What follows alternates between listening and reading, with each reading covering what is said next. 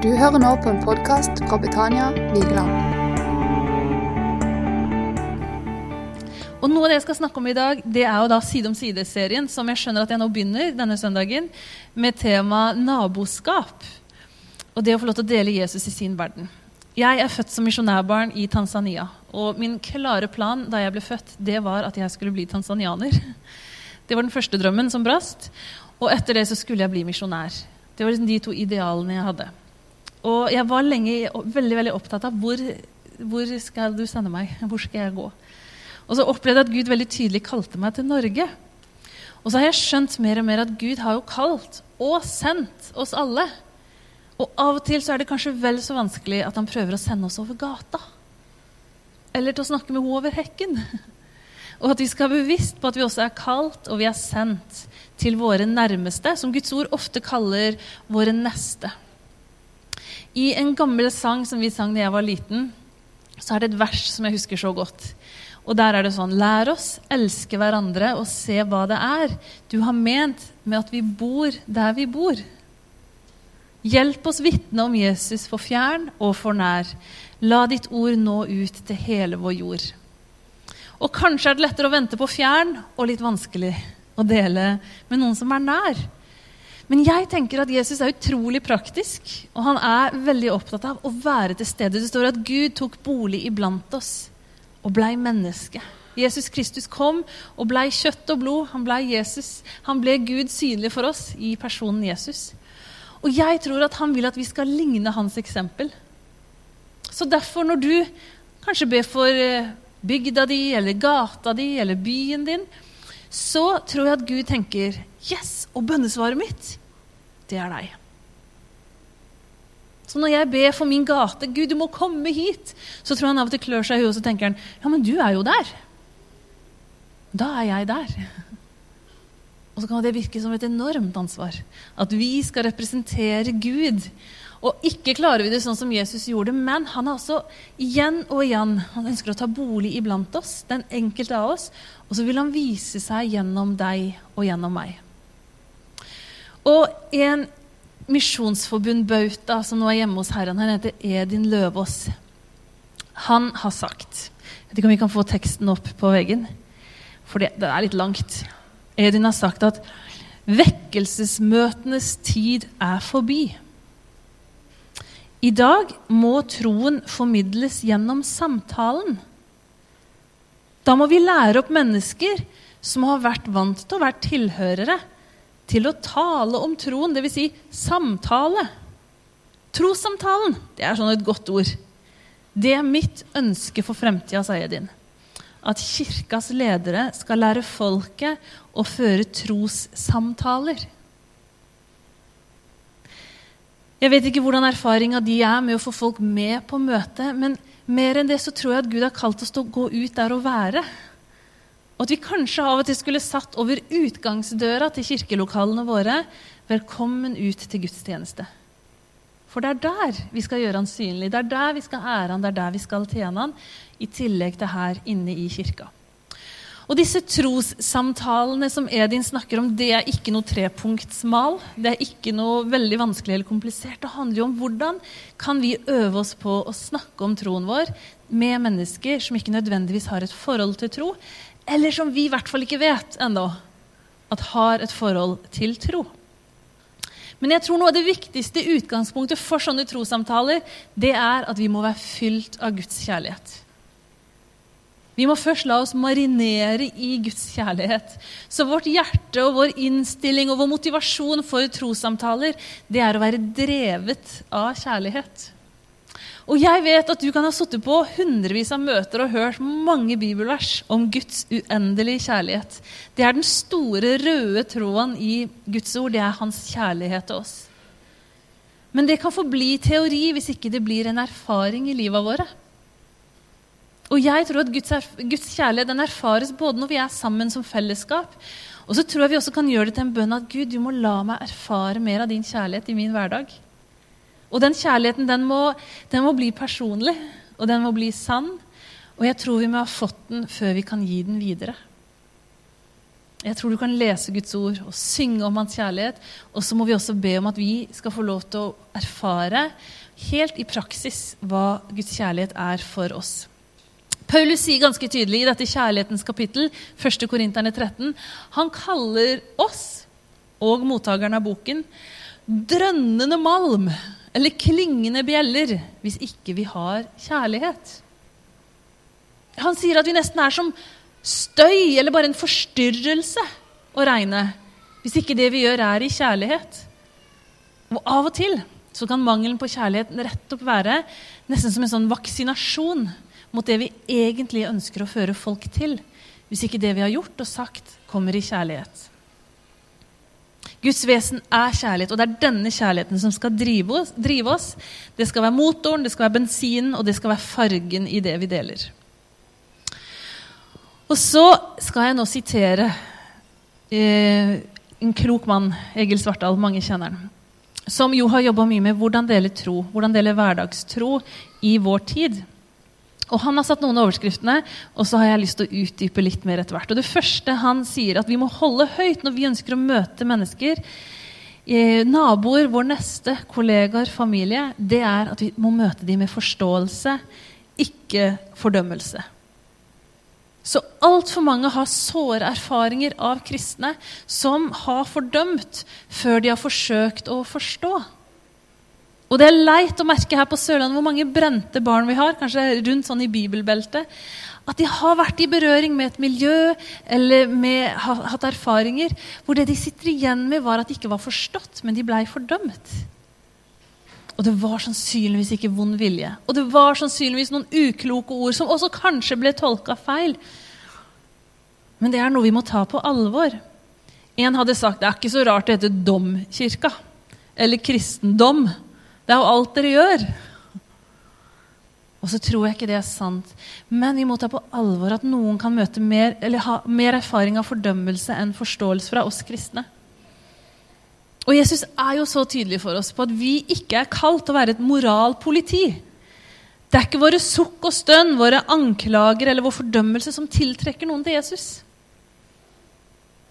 Kanskje har vi i god vilje feilaktig brukt den standarden Gud har satt for oss, som er hans folk. Den, den standarden har vi brukt på mennesker som ennå ikke kjenner han. Paulus sier tydelig noe om de som er innenfor kirka, og de som er utenfor. At ikke vi skal måle andre etter den standarden som Gud ønsker å måle etter oss, oss etter når vi har tatt imot Den hellige ånd og er blitt fornya i Jesus. Men også mot våre egne så kan vi være strenge. Og jeg har dessverre hørt så mange si på veldig forskjellige måter at ah, når livet butter, når jeg strever med min hverdag, eller når det har skjedd noe sånn utrolig kjipt, Ah, gå i kirka! Ah, det er det siste stedet jeg ønsker å gå nå. Nei, å komme til kirka sånn som jeg er nå, med det som har skjedd meg, nei, du, det tror jeg ikke jeg orker nå. Og Da må vi spørre oss er vårt fellesskap bare for de gode dagene. For da er det ikke varmt nok. Og er vi kloke når vi møter mennesker som har vært borte lenge, kanskje fordi livet har ramma de? Hvordan møter vi de? Får de enten slengbemerkninger på sitt fravær? Eller inkluderes de ikke bare i kirkekaffe, men også i hverdagslivene? Vi skal få opp et vers fra Romerne 2, så står det Paulus er ganske tøff i vers 3 og 4. Men når du, menneske, dømmer dem som gjør slikt, og selv gjør det samme, mener du da at du skal slippe unna Guds dom? Eller forakter du hans uendelig store godhet, overbærenhet og tålmodighet. Skjønner du ikke at Guds godhet driver deg til omvendelse? Jesus kom ikke til verden for å dømme verden, for at verden skulle bli frelst ved han. Og kanskje vil du i møte med naboer eller barn eller kolleger høre noe, noen livsvalg de gjør, eller du hører hva de har vært en del av, hva de har involvert seg i, og så kan du bare kjenne at det rykker i pekefingeren. Eller du kjenner at du får så lyst til å si ja, men hallo! Du burde visst bedre. Det der er jo idioti. Å, du er for god for det her. Og så står det at det er Guds godhet som driver til omvendelse, ikke fordømmelse. Og der tror jeg vi må be Den hellige ånd om hjelp. Og det meste punktet du skal få på veggen, det er at jeg tror at de rundt oss, de trenger mindre kristendom og mer Kristus. Det er viktigere å fortelle hvem vi lever med, hvem vi ønsker å følge, hvem vi prøver å ligne, enn å forklare hva vi tror på. For vår tro er jo ikke først og fremst etikk og dogmatikk, men det handler om en relasjon. Og jeg har snakka timevis om menighet. Både med mine kristne venner, men det er jammen meg lett å også snakke sånn menighet og opplegg og struktur. Også med de som er litt sånn i periferien. Men snakker jeg om Jesus? Forteller jeg om erfaringer jeg har med Jesus?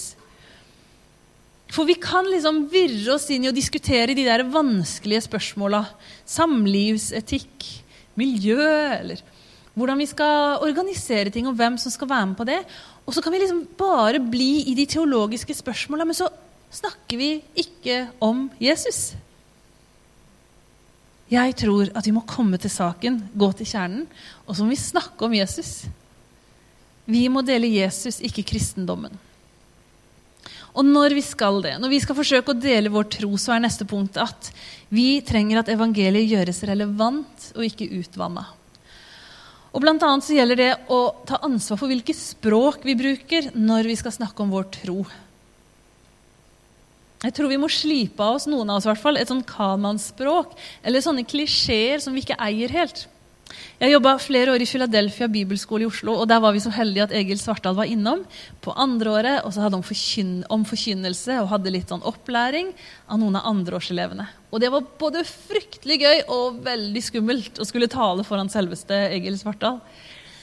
Og så hadde han gitt alle ti elevene en oppgave i å skulle dele evangeliet.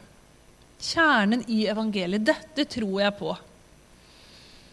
Og så er han utrolig oppmuntrende og gir mye god tilbakemelding. Men så sier han sånn på slutten av hele samlinga men, men jeg hører at dere bruker ord som andre har sagt dere. Jeg er usikker på om dere eier de orda sjøl. Og det fikk meg til å tenke Har jeg funnet fram til de orda som kan forklare hva Jesus har gjort på korset, og også inn i mitt liv? Snakker du på et ungdomsmøte i dag, så skal du ikke bruke lang tid før du skjønner at jeg må, jeg må virkelig forklare begrepet forsoning, nåde, at jeg er rettferdiggjort. Det er begreper som ikke nødvendigvis er forstått eller har gjenklang. Men det gjelder jo i hvert fall mine ikke-kristne naboer.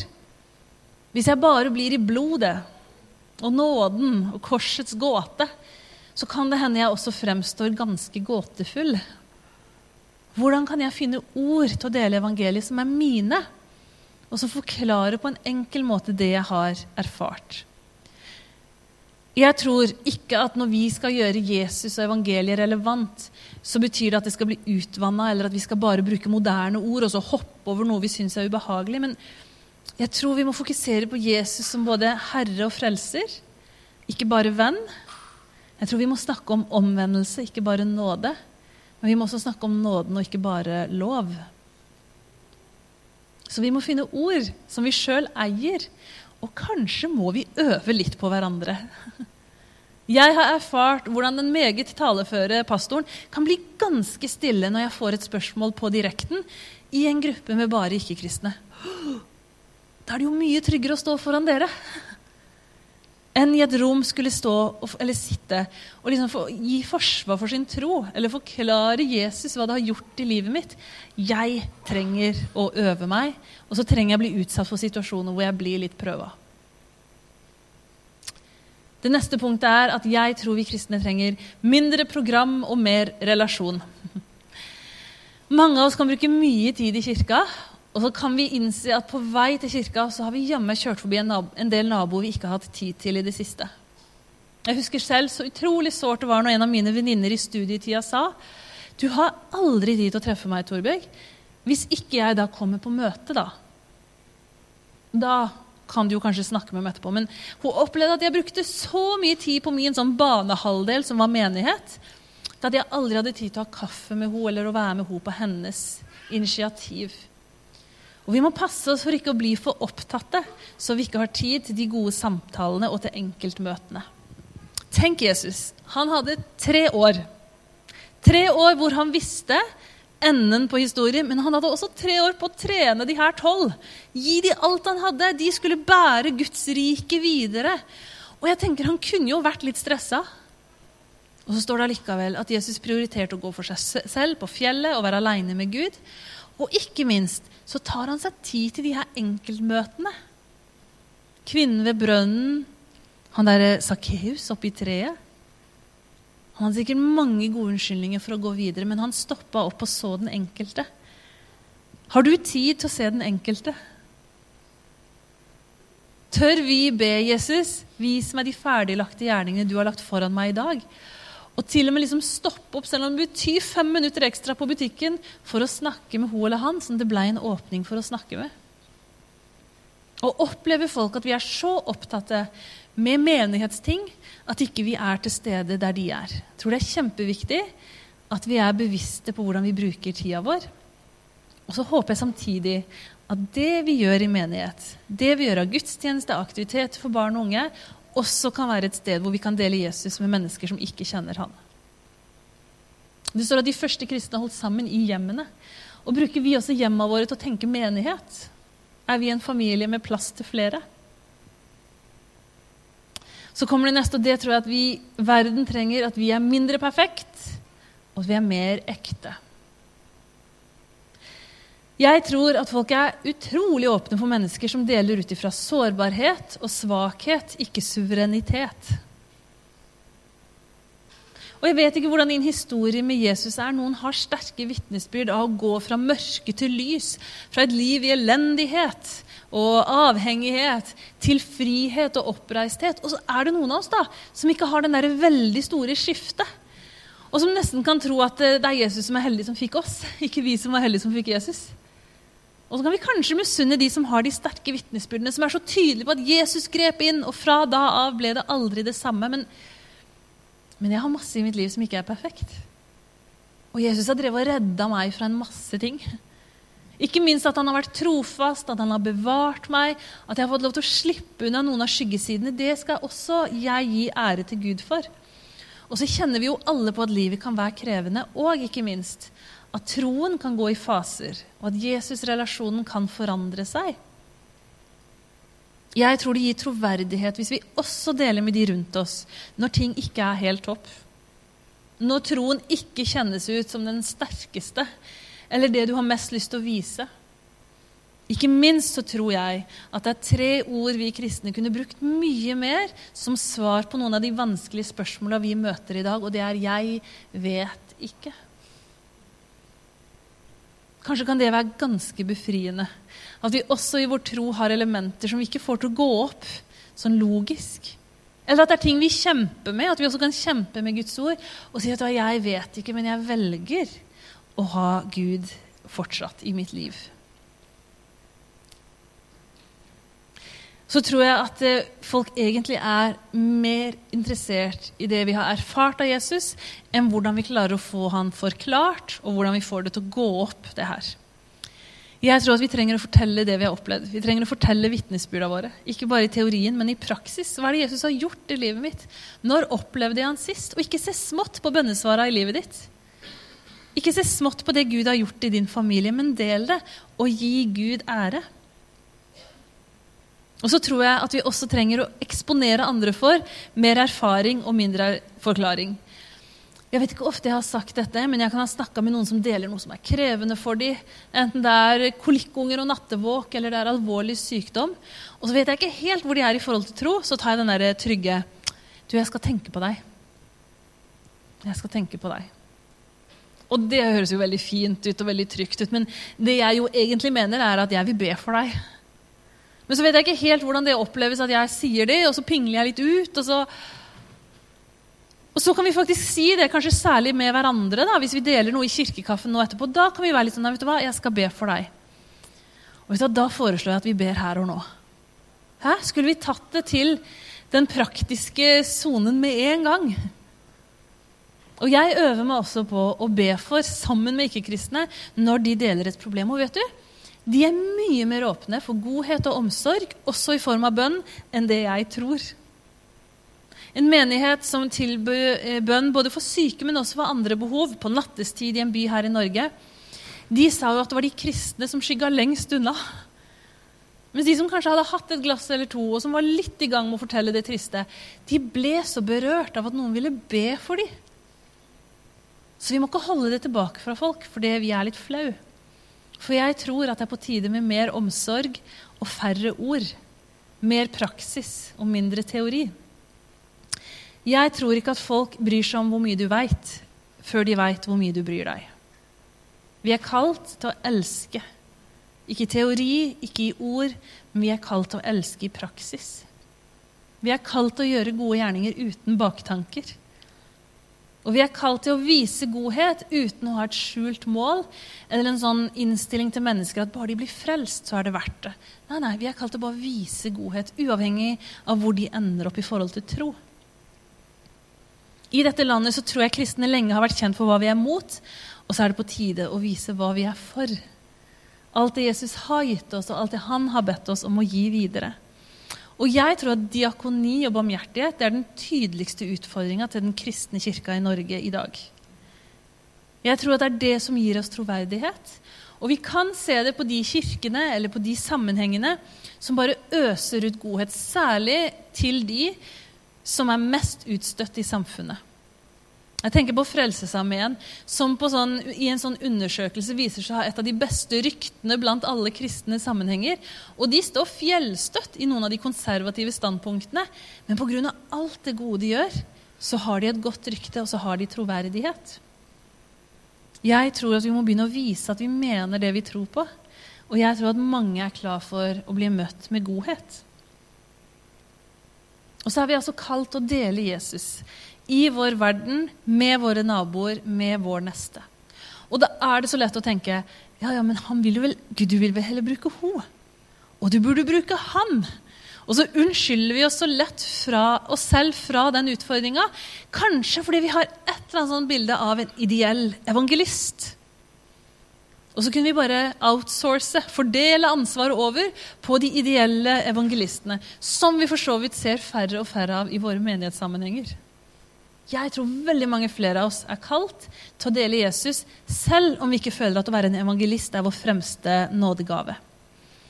Jeg kan ikke fordele bort ansvaret på å dele Jesus med mine venner, mine kollegaer eller min familie til noen andre. Jeg kan ikke skylde på at jeg ikke har nådegavene eller ja, hvilke, hva jeg mangler, for alle av oss er kalt til å dele Jesus. Og jeg tror at hadde flere av oss øvd oss opp på å finne en naturlig og trygg måte å dele Jesus, så hadde veldig mange flere i dette landet hatt en berøring av han. Og jeg tror mange flere er sultne på han enn det vi tror. Lars Torp, som har planta en menighet i Lillesand, Lillesand misjonskirke, ut fra et veldig misjonalt fokus, han har sagt hvis gudstjenesten skal være menighetens eneste ansikt utad, så er det sårbart. For da kan du enten like eller ikke. Men hvis alle vi som sitter her, du og du og du og du, hvis vi er menighetens ansikt utad, så er det stor sjanse for at flere kan finne noen å identifisere seg med, noen å prate med, og dermed bli berørt av Jesus. Og Jeg har virkelig lagt meg på denne punktlista i dag fordi jeg har blitt inspirert av en bok som heter 'Bro til tro'. Og en bok av Oddvar Søvik, som det er nå jeg skal snakke om. 'Bro til tro'. Den er skrevet av Gina Gjerme. Mens Oddvar Søvik eh, også har skrevet en bok om hvordan fortelle om sin tro.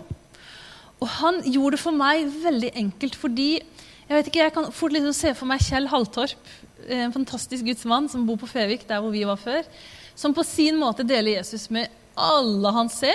Og så kan jeg tenke at ok, hvis det er alternativet, så klarer jeg det ikke. Hvis det er å være evangelist, så velger jeg heller nei. For det klarer jeg ikke. Men i denne boka så sier Oddvar Søvik at det er mange måter å dele evangeliet på. Og du og jeg vi er skrudd sammen så forskjellig at vi skal gjøre det på veldig forskjellige måter. Og nå kommer det fem måter, seks måter å dele Jesus på. Og kanskje kan du tenke det kan jeg klare. Ja, det kjenner jeg meg igjen i. Eller kanskje tenke ja, det er faktisk sånn jeg gjør det. Og så kan du få ro for at du er på rett plass, og at du deler Jesus på din måte. Og Den første måten som Søvik trekker opp, det er selskapsmåten.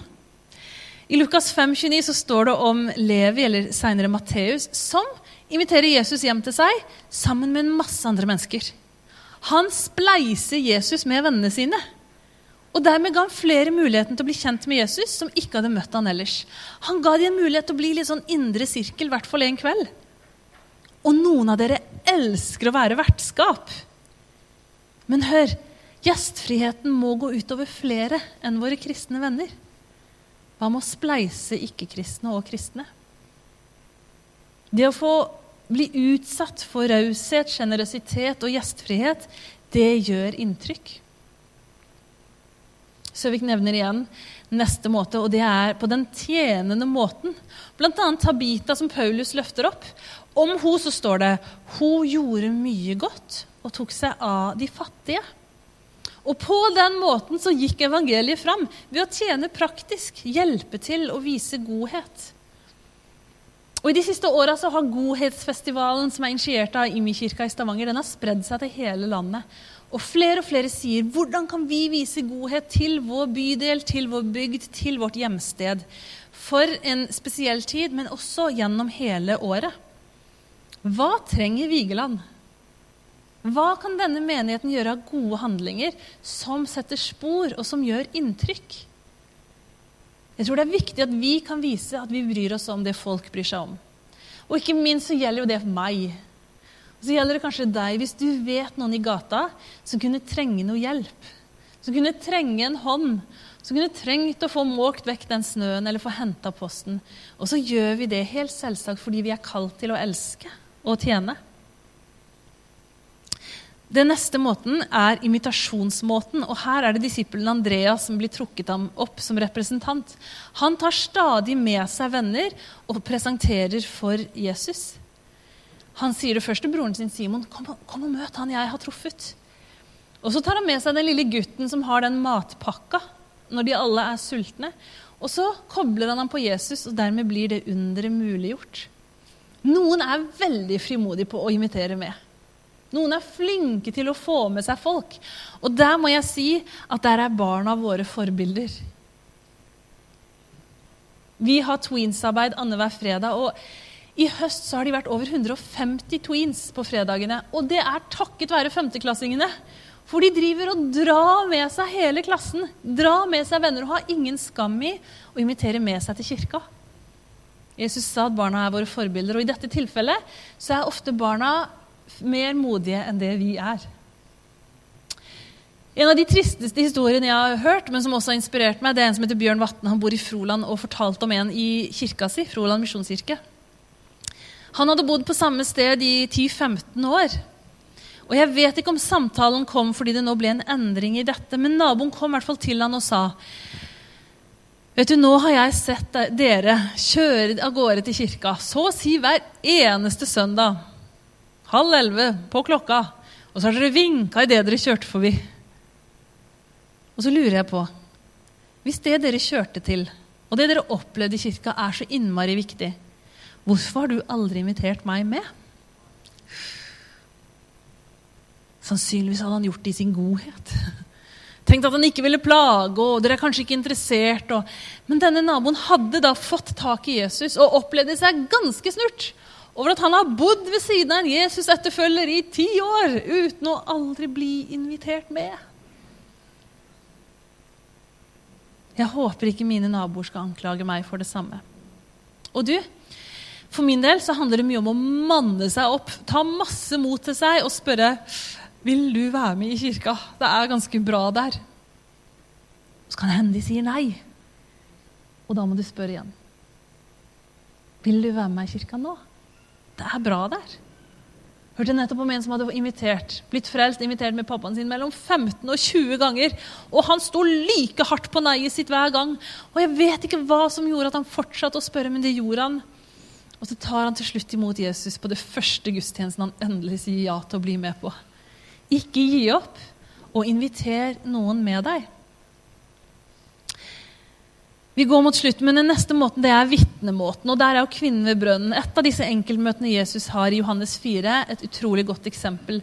Hun har et møte med Jesus. Det gjør så inntrykk at hun bare beiner inn til de hun før har skamma seg for å møte.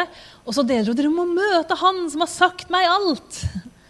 Og noen har sånne ferske vitnesbyrd som de er rause med å dele på. Og de deler gjerne på butikken og på jobb og der de er. Og hvis du har noen av de, Del det. Og kanskje trenger det ikke være det store, dramatiske, men noen av oss er gode på å dele. Jeg vet sjøl hvor utrolig god jeg er til å fortelle når jeg har funnet en ny restaurant. Eller en ny serie på Netflix. Eller noe som bare er utrolig genialt for småbarnsforeldre. Jeg kan være reine reklameplakaten. Men Jesus er så mye større og bedre. Og så mye viktigere enn den beste sushien. Eller det heteste trikset for småbarnsforeldre. Jeg er kalt å være en reklameplakat for han. Noen av oss er mer skrudd sammen til å ønske å dele Jesus på den intellektuelle måten. Og Paulus er en representant for disse. Han går eh, på Aregapogos og møter det greske folk, og så sier han dere tilber en gud dere ikke kjenner. Men Og så legger han ut skriftene så de forstår det. Og noen av oss elsker å dykke ned i apologitikk eller i trosforsvar. I Guds ord, men også i andre verk. Og så elsker vi å diskutere og fundere og samtale om dette. Og noen er i sitt yrke og i sin praksis akademiker og får på den måten delt det. Men kanskje får du også noen samtaler med han som er rasjonalist. Han syns det er veldig vanskelig å få huet sitt rundt en del av de spørsmåla som jeg må si jeg vet ikke på men som du kanskje har studert mer. Og så kan du dele Jesus også ved å gå inn i en sånn god samtale om noen av de vanskelige spørsmåla. For sannheten er at vår tro holder mål. Det er fornuftig å tro på Jesus.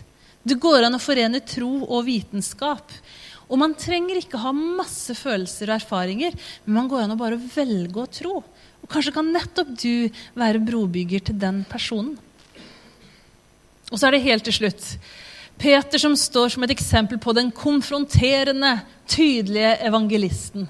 Han som går høyt ut på pinsedag, tar ordet og forklarer evangeliet, og som på sin veldig frimodige måte fortsetter å vitne om Jesus til hedninger, til jøder. Og fra da av så var Peter i sitt ess. Han elska både å bli hørt, men han hadde noe å si. Og han brukte mange anledninger til å dele om det han hadde fått åpenbart, og det han har erfart. Og kanskje er det jo denne typen vi først og fremst tenker på når vi hører om en evangelist. Og noen av dere vet at det der er litt i meg. gi meg mikrofonen på et vitnemøte! det brenner på innsida. Men du, den brannen må vi ta ut fra vitnemøtet og ut fra menighetslokalene og dele med andre mennesker. Og i denne ukas Korsets seier så var det et stort intervju med Kjell Haltorpen, mann jeg har stor respekt for og som deler Jesus med fjern og nær og i tide og utide. Og er veldig frimodig på å gå rundt og dele ut som håndgranater, som han kaller den lille boka han har, om veien til Jesus. Og så står det bare sånn utrolig tankevekkende i slutten av det intervjuet så står det, Men Kjell, hvorfor tror du ikke flere gjør som deg? Liksom, hvorfor er, er vi ikke flere som lever det evangelistlivet? Og så han, Jeg vet ikke. Men han sier noe sånn som Men du må ha plass til inntrykk for at troen skal få uttrykk. Og jeg vet ikke om vi har tid til inntrykket lenger.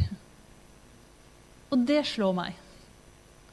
At jeg så ofte kan avslutte min dag og bli klar over de tapte mulighetene. Ah, jeg skulle jo ha stoppa opp litt lenger i den barnehagehentinga.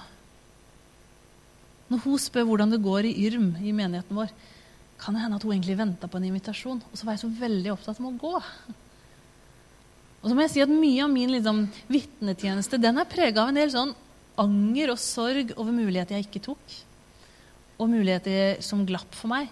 Og så tror jeg det ofte handler om om jeg har hatt tid til å stoppe opp og si Jesus, gjør inntrykk på meg. Sånn at det også kan få et uttrykk i min dag. Jeg tror at alle disse måtene jeg har delt på nå, det er viktig for at Jesus skal bli delt i ditt nabolag og på vårt hjemsted. Og jeg tror mennesker er så forskjellige, og at de derfor trengs å møtes veldig, veldig forskjellig. Derfor er det din og min styrke at vi er ulik sidemann. At vi også utgjør et mangfold. Sammen så er vi menighetens ansikt utad. Og det er mange som kan trenge å høre deg dele om Jesus sånn som du gjør det. Naturlig og ekte. I Lukas 10, når Jesus sender ut apostlene, så sier han veldig tydelig at de skal gå inn i huset og by det fred. Og så står det Og bor det et fredens menneske der, skal freden deres hvile over ham. Og hvis ikke, skal den vende tilbake til dere selv. For meg så har dette med å finne et fredens menneske blitt en litt sånn øyenåpner. Fordi jeg kanskje ofte har brukt energi på der det ikke har liksom vært noe kjemi. Det har ikke vært noe ønske om kontakt. Og når du ikke har lyst til å si mer enn hei ved postkassa, så er det ikke så lett å få slengt inn en invitasjon til kirka. Men et fredens menneske, det tror jeg er et menneske som du lett snakker med. Som viser interesse, og som du kan tenke at du trives sammen med. Og så kan det hende at det er nettopp disse fredens menneskene som Gud har sendt i hver vår vei, som vi er kalt til å betjene. Ikke hele verden, men den ene. Og så er løftet det samme til oss som for de tidlige apostlene og den første kirka. Det står i apostlenes gjerninger at vi skal få kraft når Den hellige ånd kommer over oss, og vi skal være hans vitner. Vi skal få kraft når Den hellige ånd kommer over oss, og vi skal være hans vitner. Og Gud, det må du hjelpe oss til.